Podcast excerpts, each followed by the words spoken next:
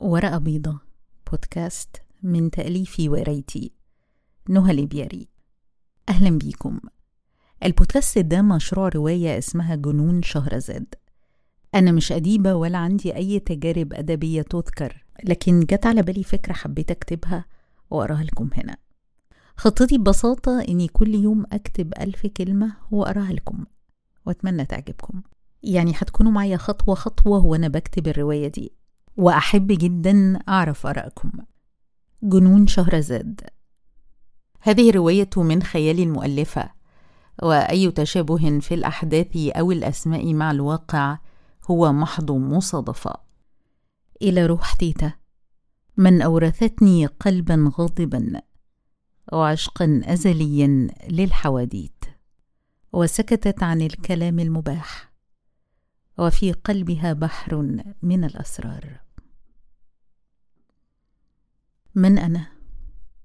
كم يبدو هذا السؤال ساذجا هذه الأنا الملتصقة بي من هي؟ وكيف لي أن أعرف؟ تأتيني ومضات ذكريات ربما أم أحلام؟ أم أوهام؟ ومن أين تأتي الأحلام والأوهام؟ ربما تسكن في المكان نفسه حيث جاءت تلك الأنا؟ إذا كنت أنا شهرزاد فمن هي شهرزاد؟ ومن أين جاءت بكل تلك الحكايات؟ أمن المكان نفسه؟ وإذا كنت أنا دنيازاد فماذا كنت أفعل بصحبتها؟ ما أهميتي الأدبية؟ وكيف وضعوا طفلة تحت السرير يوم العرس؟ يقولون إن الملوك في قديم الزمان كانوا يمارسون الجنس أمام الخدم والحاشية والأعوان أكانوا أيضا يضعون الأطفال تحت السرير؟ أم أنا إيزيس؟ كم أحب إيزيس. عاشت إيزيس. عاشت إيزيس. عاشت إيزيس رغم أنهم أرادوا قتلها. أرادوا ذبحها وتقطيعها إربا إربا. وتفريق جثتها على كل محافظات أرضك يا مصر. لا لقد ارتكبت خطأ فادحا. ما كان يجب أن أذكر اسمها؟ لو عرفه أعداؤها لقتلوها شر قتله. وكيف يمكن للحياة أن تكون بغير إيزيس؟ ولكن أنا أسمعها الآن. هي تطمئنني. تقول لي إن اسمها الحقيقي سر خفي مكنون. في أمان هي في أمان. آه هل أصابني الجنون؟ ولكن من أين يأتي الجنون؟ ربما أيضا يأتي من هذا المكان نفسه. الذي جاءت منه وجاءت منه الحكايات. العفريت والقرصانه اسمي نجاة. ولدت في بداية القرن العشرين مع موسيقى الجاز ومدرسة الرسم الفرنسية. في تلك الفترة نفسها حيث عاش في باريس ثلاثة رسامين يهود إيطالي واثنين من بيلاروسيا. كنا في ذلك الوقت نعتقد أنها هي روسيا. كانوا يعيشون وسط العاهرات يرسمونهن كما يراهن لا كما يراهم الناس. كان ذلك بعد أن قطع هذا المجنون الهولندي أذنه بالقرب من باريس أيضا لأن امرأة رفضته ثم قتل نفسه على الأرجح. كان زمنا مجيدا رائعا. ما هي الكلمة؟ متفجرا بالحياة؟ نعم نعم. هذه هي الكلمة. كان زمنا متفجرا بالحياة. وكان ذلك أيضا بعد ذهاب هذا الألماني الذي أعلن موت الإله. لقد مات بمرض الزهري الذي أصيب به من مصاحبة العاهرات قبل اختراع الواقي الذكري بالطبع. وكل وسائل منع الحمل الأخرى فهذه اختراعات حديثة جدا. جاءت بعد أن بلغت أنا من العمر أرذله. في النصف الثاني من القرن. لكن أنا لم أولد في برلين ولا في باريس. ولولا حسن الحظ لما كنت شاهدت باريس ولا حتى سمعت عنها من قريب أو بعيد. أنا ولدت في الخرطوم عاصمة السودان من أسرة مصرية. والدي كان موظفا لدى السفارة البريطانية كان رجلا متعجرفا فظا سمعته في أحد الأيام ينادي على رجل في الشارع بغير سابق معرفة ويسأله هل تعرف خادما امينا يأتي إلى منزلي؟ فقال الرجل بتواضع أنا آسف لا أعرف. فنهره والدي قائلا وأنتم كلكم عبيد أيها السودان. كنت ربما في السادسة من عمري عندما قرر أن يخرجني من المدرسة إلى الأبد. قال لأمي التي كانت لا تنبس ببنت شفا وخاصة في حضرته قال لها إن المدرسة تبشيرية وترغب في تنصيري وهذا لا يصح. والأفضل لي أن أتعلم الطبيخ وأعمال المنزل. هذه المهارات سأحتاجها في نهاية الأمر على أي حال. ما فائدة القراءة لفتاة مثلي؟ بل إن من الأفضل لي ألا أقرأ لأنه قد يتسرب إلى عقلي بعض الأفكار السامة عن طريق القراءة. الأصلح والأكثر أمانا للفتاة أن تظل أمية. كنت أكره الأعمال المنزلية وكنت أشعر بالغضب حين يطلب أخي أن أعد له الشاي أو أحضر له بعض الكعك. ولماذا لا تعد أنت لي الشاي؟ لم أكد أنطق بالحرف الأخير حتى شعرت بصفعة تفرقع على وجهي. ثم يد والدي العملاقه تدفعني بعنف وهو يصرخ بشيء ما. ارتطمت عظام جمجمتي بعنف وسمعت فرقعة وشاهدت وميضا يشق ظلاما حين ارتطمت رأسي بالحائط الصلب. لم أشعر بالألم ولم أسمع ما قال. كل ما شعرت به هو الخوف. الخوف أن أصاب بالعمى. جلست القرفساء ووضعت ذراعي فوق رأسي لأحمي نفسي. أعلنت الخنوع وكل ما يهمني ألا أصاب بالعمى. سأفعل كل ما يطلبه هذا البعبع لا يهم أي شيء الآن سوى أن أسلم بنفسي. سأكذب على هذا العفريت حتى يدخل القمقم مرة أخرى. حتى سأقول له إني أحبه إذا اضطرتني ظروف. نعم لا يهم لا شيء يهم. سوى عظامي ولحمي ودمائي وحواسي.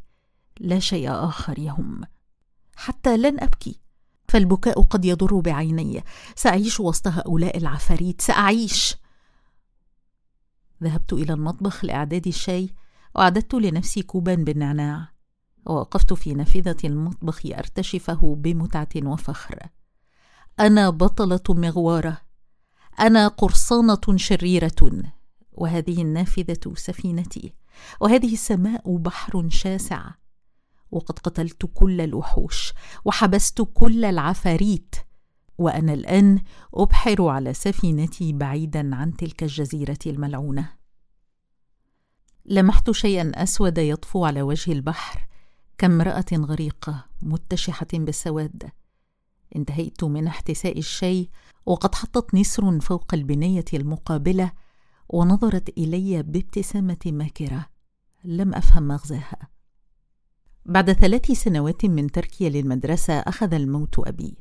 أخذه فجأة وبغير ألم.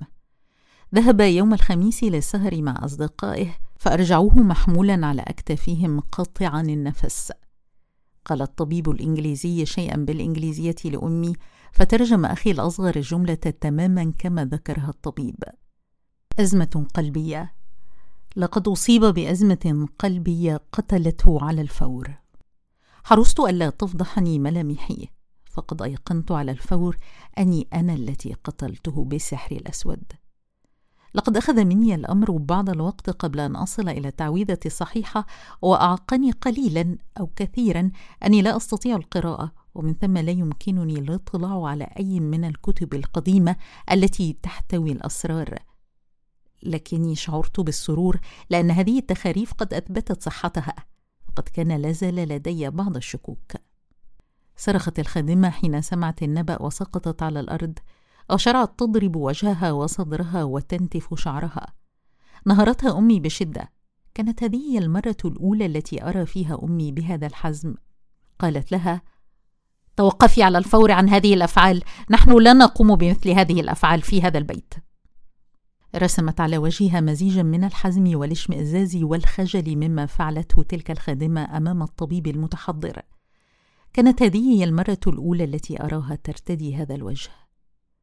بعد بضع ساعات كان جثمان يتجهز للدفن.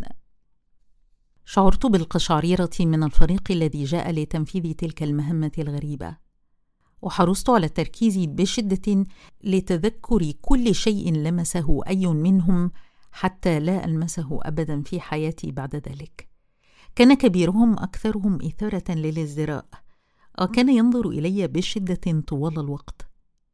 وقال لي بوجه جامد هل ترغبين في رؤية ما نفعله بوالدك في الغرفة؟ تعالي. كانت الغرفة مزدحمة. أخي الأصغر يرتدي بدته المدرسية ذات البنطال القصير وحذاءه اللامع ويمسك بطربوشه في يده وهو يقف مستقيم الظهر مطأطئ الوجه. فوقفت مثله ولكن في أحد أركان الغرفة. وشاهدتهم يجردون جثمان من الملابس حتى آخر قطعة. أمسكت نفسي للمرة الثانية عن إطلاق ضحكة حين خلعوا عنه القطعة الأخيرة. قبل أن يطلق الجثمان ريحا قوية ويتبرز. اندهشت جدا أن الموتى ما زال يمكنهم أن يفعلوا ذلك. وأصبح من المستحيل ألا أطلق قهقهة عالية جدا كفيلة بأن تؤدي إلى قتلي. وربما حين أقتل أتبرز أيضا أمام هؤلاء الرجال المقرفين وأمام أخي. لا أستطيع احتمال الخجل إذا حدث ذلك. قد أموت خجلا. شتتت الصورة المرعبة أفكاري وساعدتني على كبت الضحك. قبل أن أدرك أن فريق تغسيل الموتى المكون من رجلين شديدي القصر والرجل المحملق يضحك هو أيضا. بينما أخي يخفي وجهه الأحمر في طربوشه ويهتز بعنف ويبدو غير قادر على السيطرة على ضحكه المكتوم. لكن رائحة نتنة ما لبثت أن أفاقتنا من النوبة فرقدنا إلى الخارج هربا بأنفسنا من الغرق. كانت أيام العزاء طويلة لكنها كانت مثيرة.